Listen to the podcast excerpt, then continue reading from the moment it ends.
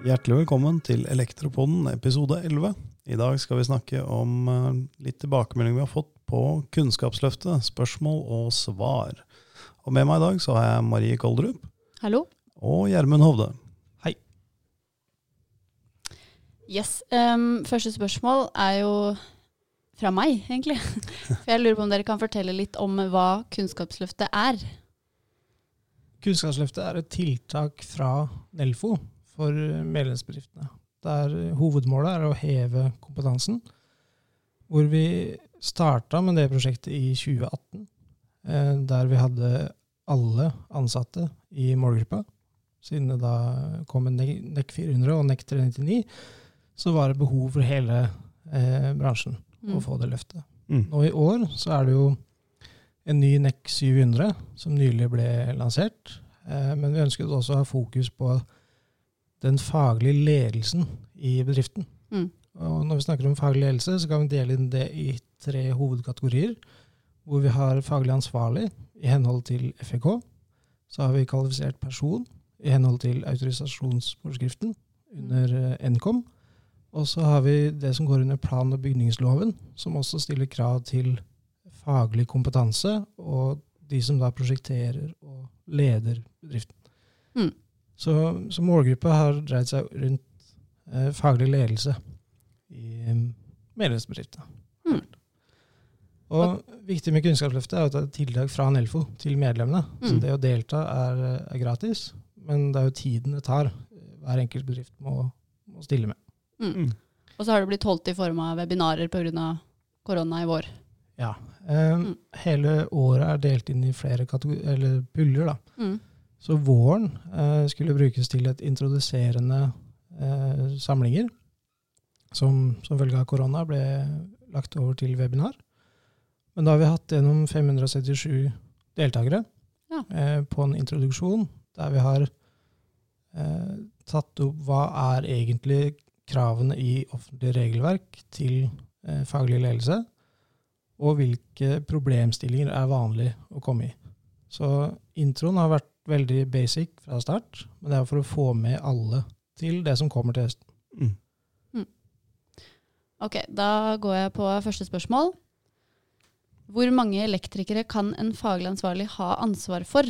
Ofte brukes 70% av tida på salg og prosjektledelse istedenfor oppfølging og kvalitetssikring. Og dette har vi også fått inn en del spørsmål om. Mm. Ja, det er ikke noe fastsatt grense på hvor mange elektrikere du kan ha ansvar for som faglig ansvarlig. Du skal klare å ivareta det faglige ansvaret.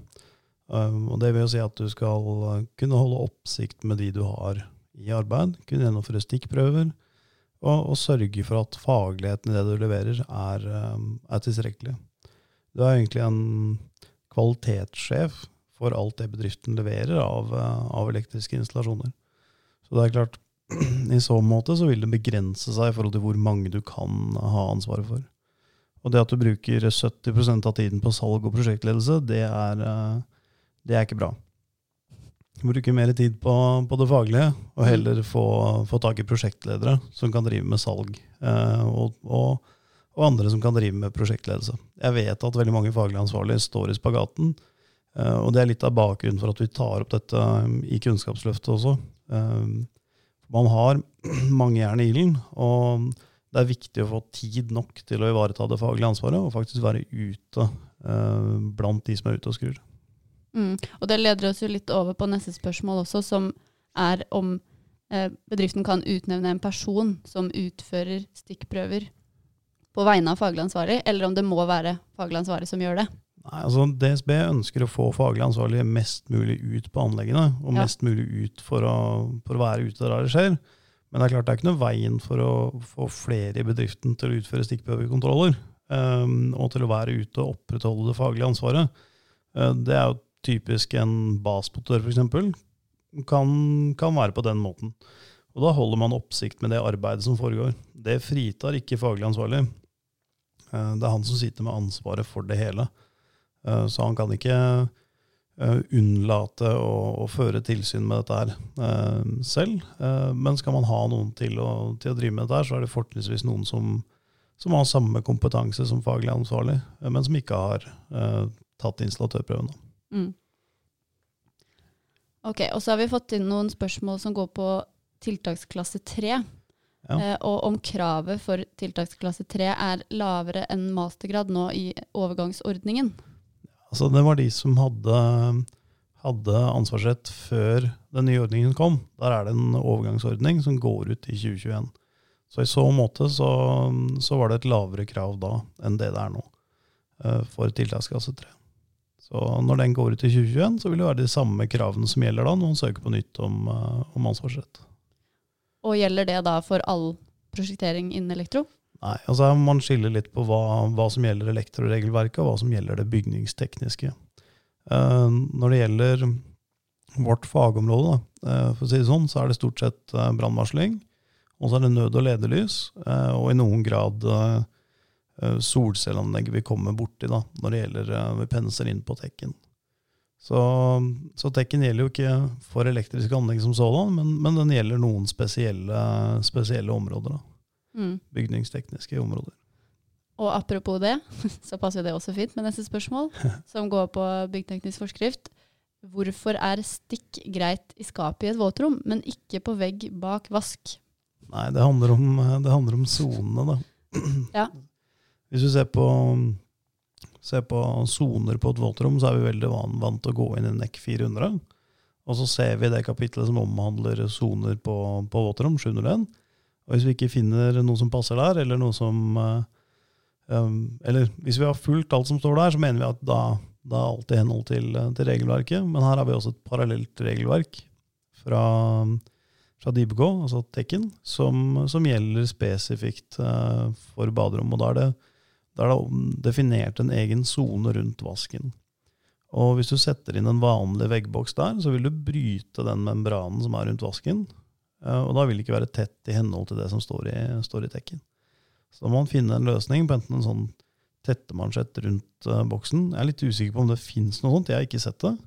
Eller at man flytter stikken vekk fra sonen. Det er det aller beste. Eller at man bruker en, en kabel, f.eks. en PR-kabel, og bruker en tettemansjett rundt den, eh, rundt den kabelen. Så at man ivaretar våtsonen også rundt vasken. For i, hvis du ser i NEC 400, så, så er det ikke definert noen våtsone rundt, eh, rundt vasken. Bra.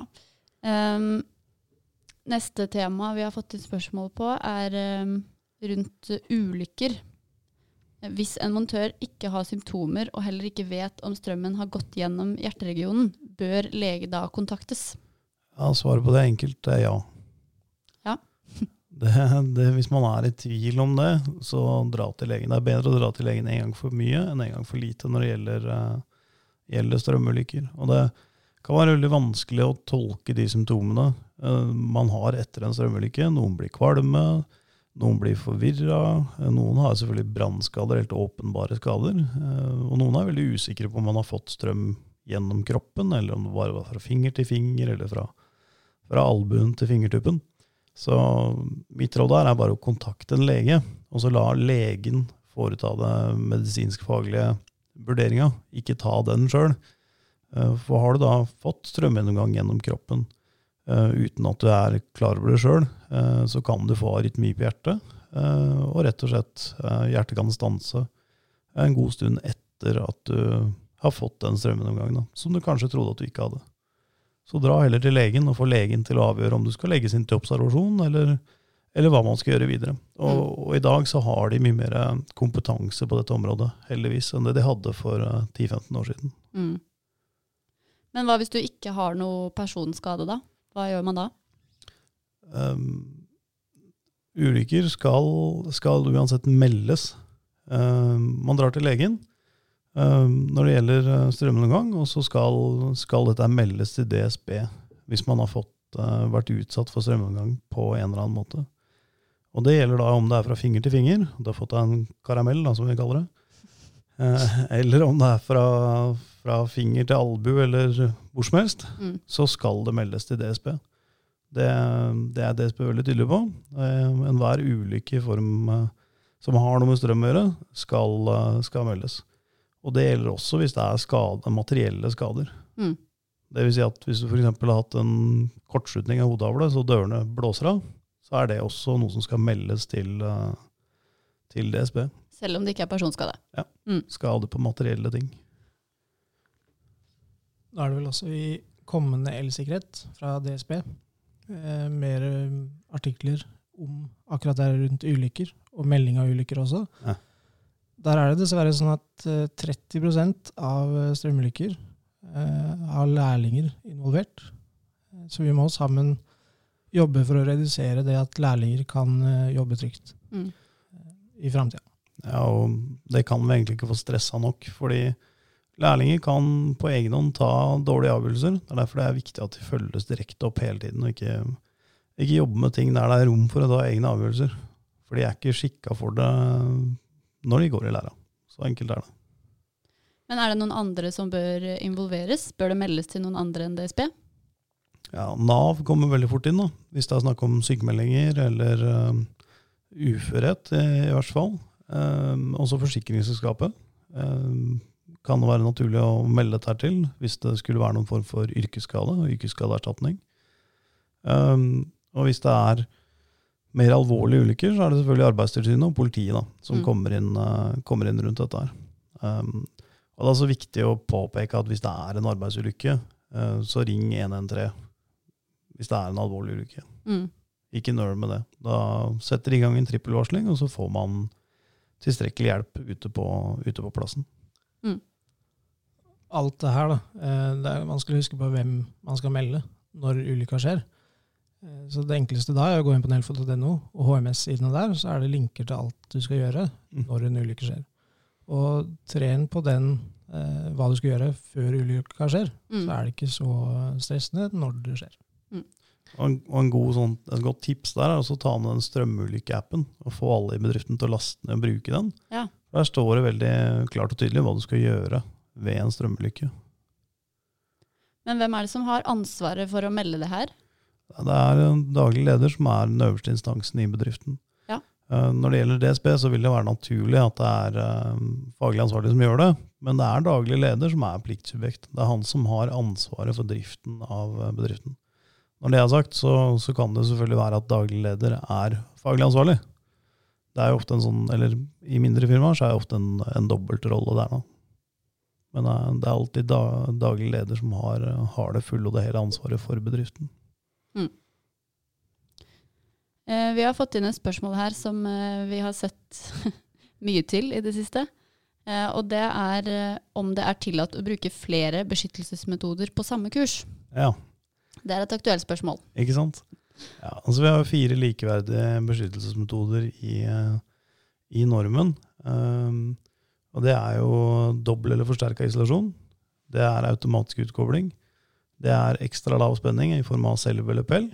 Og, pelv, og, det er eh, galvanisk eh, skille ved form av en, eh, en, en trafo. Da.